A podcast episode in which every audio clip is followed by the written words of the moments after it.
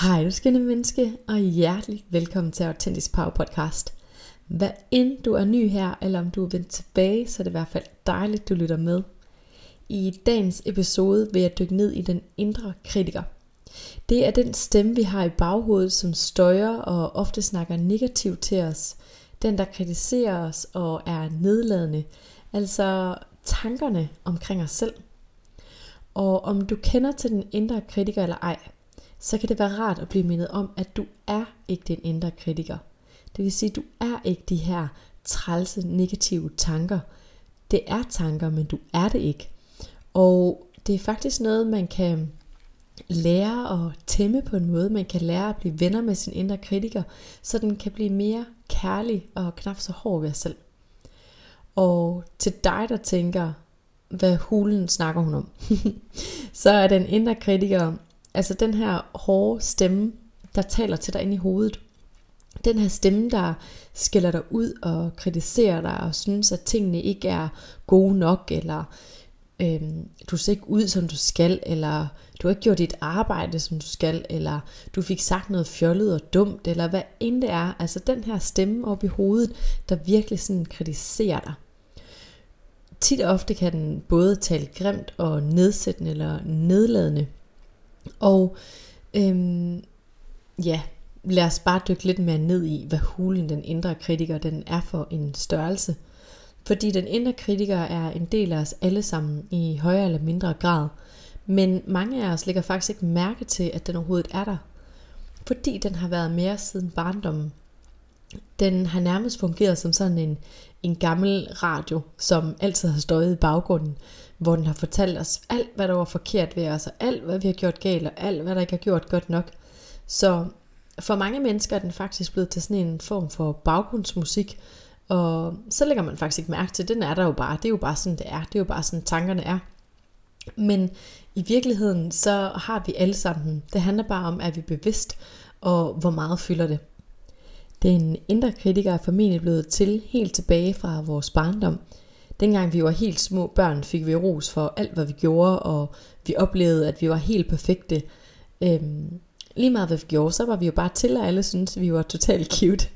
Og pludselig så begynder omverdenen at have krav til os. Altså lige pludselig så er det ikke længere sødt, når vi bøvser eller brutter ved bordet, eller når vi sidder og leger med maden og har det helt op til ørerne. Pludselig er der måske en kritik fra de her forældre, vi har, altså nogen, der beder os om at sidde pænt, eller spise pænt, eller ikke bøves på bordet, eller hvad det nu kan være. Så vi oplever altså lige pludselig, at vi ikke er perfekte, men vi får en form for kritik, og den kan vi komme til at tage til os, og vi kan føle os forkerte, vi kan føle skam og skyld. Og det som børn og alle mennesker generelt ønsker, det er at blive elsket og accepteret, og føle kærlighed for den vi er. Men vores indre kritikere menes altså at blive formet i mødet med den her kritik eller følelse af forkerthed. Og nogle gange er det, den indre kritiker siger, jo så helt tilbage fra en forælder, der engang har sagt noget, eller fra en skolelærer, der har sagt noget, eller en gammel ven. Andre gange kan det også være en følelse, vi har samlet op en gang, hvor vi føler os utilstrækkelige. Altså det behøver måske heller ikke at være noget, der er blevet sagt, men faktisk noget, vi har taget til os i, i en følelse, noget vi har opsnappet. Øhm, vi har som nævnt haft den indre kritiker mere siden vi var helt små. Men man kan sige, at den er faktisk blevet til i et forsøg på at beskytte os og gøre os trygge og opnå den her ønskede kærlighed for omverdenen. Og jeg ved ikke med dig, men når jeg lige sådan sidder og siger det nu, så tænker jeg, at det lyder jo helt vildt fjollet, at alle de her hårde tanker, øh, vi har omkring os selv, at de faktisk skulle være for at beskytte os. Men den indre kritiker har faktisk en positiv intention. Og der er flere forskellige positive intentioner, som jeg vil udfolde her i løbet af, af podcasten her.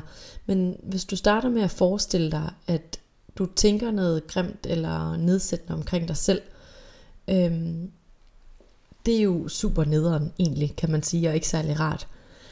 Men det der sker, det er, at hvis vi frygter, at andre skal tænke noget grimt eller nedsættende omkring os, eller andre skal dømme os, så kan det gøre mindre ondt, og vi kan beskytte os selv lidt ved at sige, mm, det har jeg allerede tænkt omkring mig selv. Så på en eller anden måde, så gør det ikke lige så ondt, når nogen de siger noget kritik til os, fordi, ah, ja, det vidste jeg allerede godt. Det har jeg allerede fortalt mig selv. Jeg har såret mig selv først.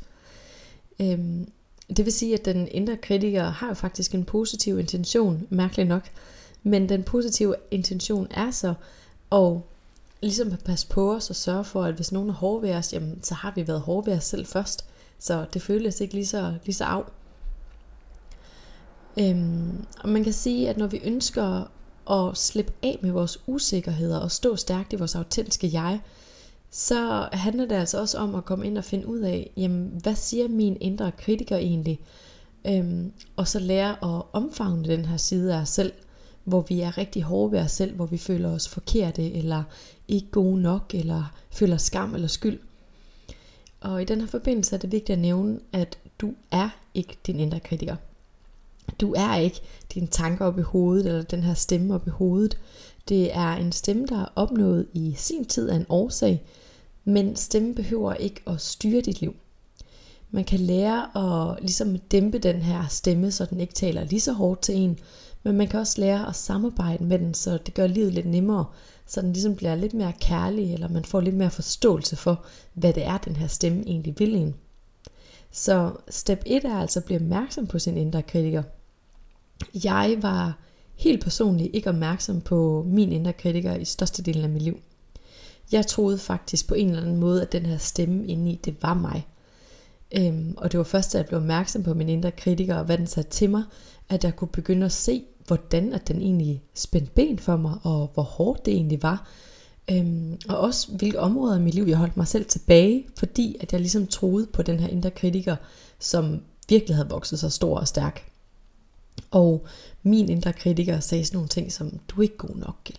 du er kikset, der er ikke nogen, der gider at høre på, hvad du har at sige, du er ikke særlig pæn, du er ikke særlig sjov, øhm, du er ikke særlig klog, du er ikke værd elsk, du er svag, når du græder. Altså, jeg kunne blive ved. Den har virkelig sagt mange hårde ting til mig i, igennem årene. Og det er jo forskelligt, hvad din indre kritiker siger versus min. Men jeg ved ikke med dig, jeg kan i hvert fald sådan fornemme, at når jeg siger det højt, hold kæft, det er trættende at høre på. Altså, det er trættende at høre på sådan en negativ stemme, og så forestil dig, at man faktisk hører på sin indre kritiske stemme dagen lang. Nu siger min indre kritiske stemme heldigvis ikke lige så hårde ting, som den gjorde dengang. Men den siger stadigvæk hårde ting, fordi jeg er menneske. Og øh, vi har alle sammen en indre kritiske stemme. Det er bare forskelligt, hvor højt den taler, og hvad det er, den siger, og om vi er blevet gode venner med den, eller om den har taget fuldstændig over, og faktisk får lov til at tage styringen i vores liv. Men når først du får øje på din indre kritiker og dens holdninger, så har du en valgmulighed. Du har en mulighed for at få mere kontrol over det her område i dit liv. Altså ved at lære at skrue ned for den her indre kritiske stemme. Måske endda sluk for radioen. Og efterhånden som du har arbejdet mere og mere med din indre kritiker, så kan du også lære at styre, øhm, hvad musik der ligesom bliver, bestillet, bliver spillet på den her radio. Øhm, du kan ændre den indre kritiske, den her indre kritikers adfærd og holdninger. Det vil sige, at du kan lære at få flere positive, opløftende tanker omkring dig selv, og også få en forståelse for, hvorfor den siger, hvad den siger, og at der faktisk er en positiv intention bag det, den indre kritiker siger. Øhm, først så kræver det så bare, at vi bliver opmærksomme på, jamen, hvad er det for en radio, der spiller i baggrunden? Hvad er det for øhm, noget musik, der ligesom kører? Hvad er det for nogle ting, der bliver sagt, når min indre kritiker den taler? Øhm, noget andet, der er super vigtigt, det er at vide, at du kan ikke gøre din indre kritiker tilpas. Det vil sige, uanset hvor meget du lytter til den og forsøger at forandre dig på den måde, den sådan siger, at du skal forandre dig på, om det så er, at den beder dig om at, om du skal også tabe dig, fordi du forstår, eller at du skal også holde op med at sige sådan nogle dumme ting, eller du skal også øhm, klæde dig anderledes, for du ser dig dum ud, som du klæder dig. Hvad end den kan finde på at sige, så hjælper det ikke noget bare at, at følge den og forsøge at ændre på dig selv. Fordi den er lidt ligesom sådan en forælder, der bare vil fortsætte. Altså sådan en forælder, der er sådan rigtig kritisk over for dig. Og lige meget hvad du gør, så er det bare ikke godt nok. Sådan er den her indre kritiske stemme lidt, hvis den bare får lov til at styre. Øhm, så, så det handler virkelig om, at vi skal lære at blive bevidst om den. Og så skal vi faktisk lære at finde dens positive intention. Og så skal vi lære at finde ud af, hvordan vi kan blive mere selvkærlige, hvordan vi kan omfavne den her side af os selv noget mere. Og så sidder jeg lidt og tænker, at det kan være super fristende at tænke, jamen, hvordan ville mit liv være uden den her kritiske stemme? Men vi kan faktisk i virkeligheden slet ikke slippe af med den. Og det skal vi heller ikke, fordi den er her for at passe på os. Og det er den egentlig på flere forskellige måder. Det kunne måske godt være lige en tand for interessant, tror jeg, hvis jeg slet ikke havde forberedt mig. Men min indre kritiker sørgede jo for, at jeg rent faktisk lavede en PowerPoint-præstation, at jeg rent faktisk tænkte over, hvad var det, jeg ville sige, hvad var den røde tråd i det, jeg ligesom skulle komme med i min budskab i, øh, i foredraget her. Så den indre kritiker er her også for at sørge for, at vi rent faktisk får gjort tingene gode nok, for at vi ikke bare bliver sløset og slet ikke, altså øhm, få gjort noget, der er godt nok. Og så, altså, hvis det er sådan, vi kommer til at leve, så, så kan det måske godt være et spørgsmål om, hvor lang tid vi lige har et job, eller, øhm, eller ja, hvornår vi bliver fyret, hvis vi slet ikke går op i vores ting. Så det handler rigtig meget om det her med at finde ud af, at okay, den har faktisk en positiv intention på flere forskellige niveauer, den her indre kritiker. Men den skal ikke tage over og styre så meget, at den holder os fra de ting, vi rent faktisk gerne vil. Så vi skal jo stadigvæk gerne have mulighed for at holde det her foredrag, vi virkelig så brændende gerne vil holde, eller tage til den her jobsamtale, til det her drømmejob, eller øh, at vi gerne vil på den her tinder for at møde mennesker i vores liv, hvad ved jeg.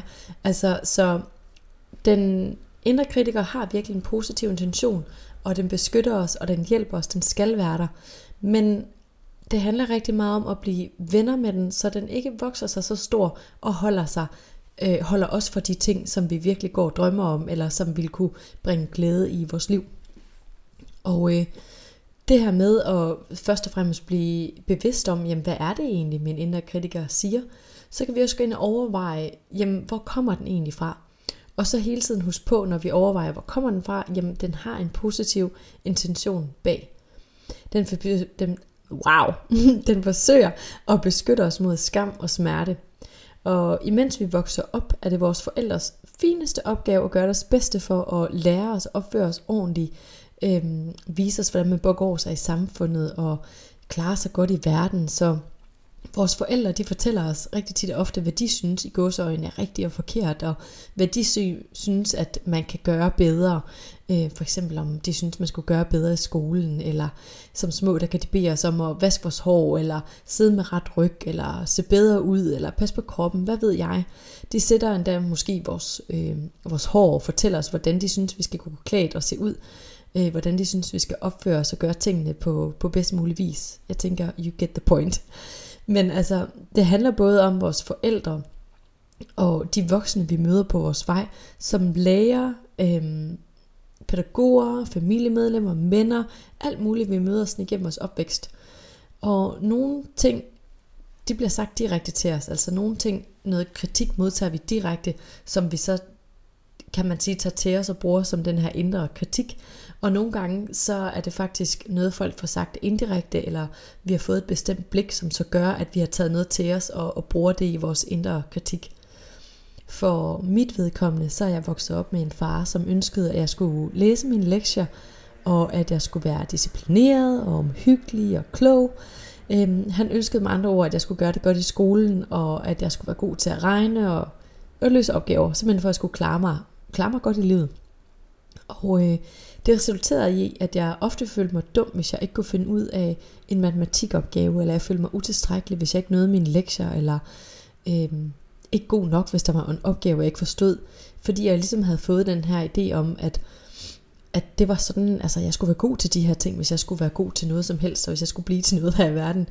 Øhm, og man kan sige, at min fars kærlige intentioner øh, voksede lidt ind i mig som en, en hård indre kritiker, og øhm, den havde ligesom en idé om, hvordan tingene de skulle se ud, hvis de skulle være gode nok.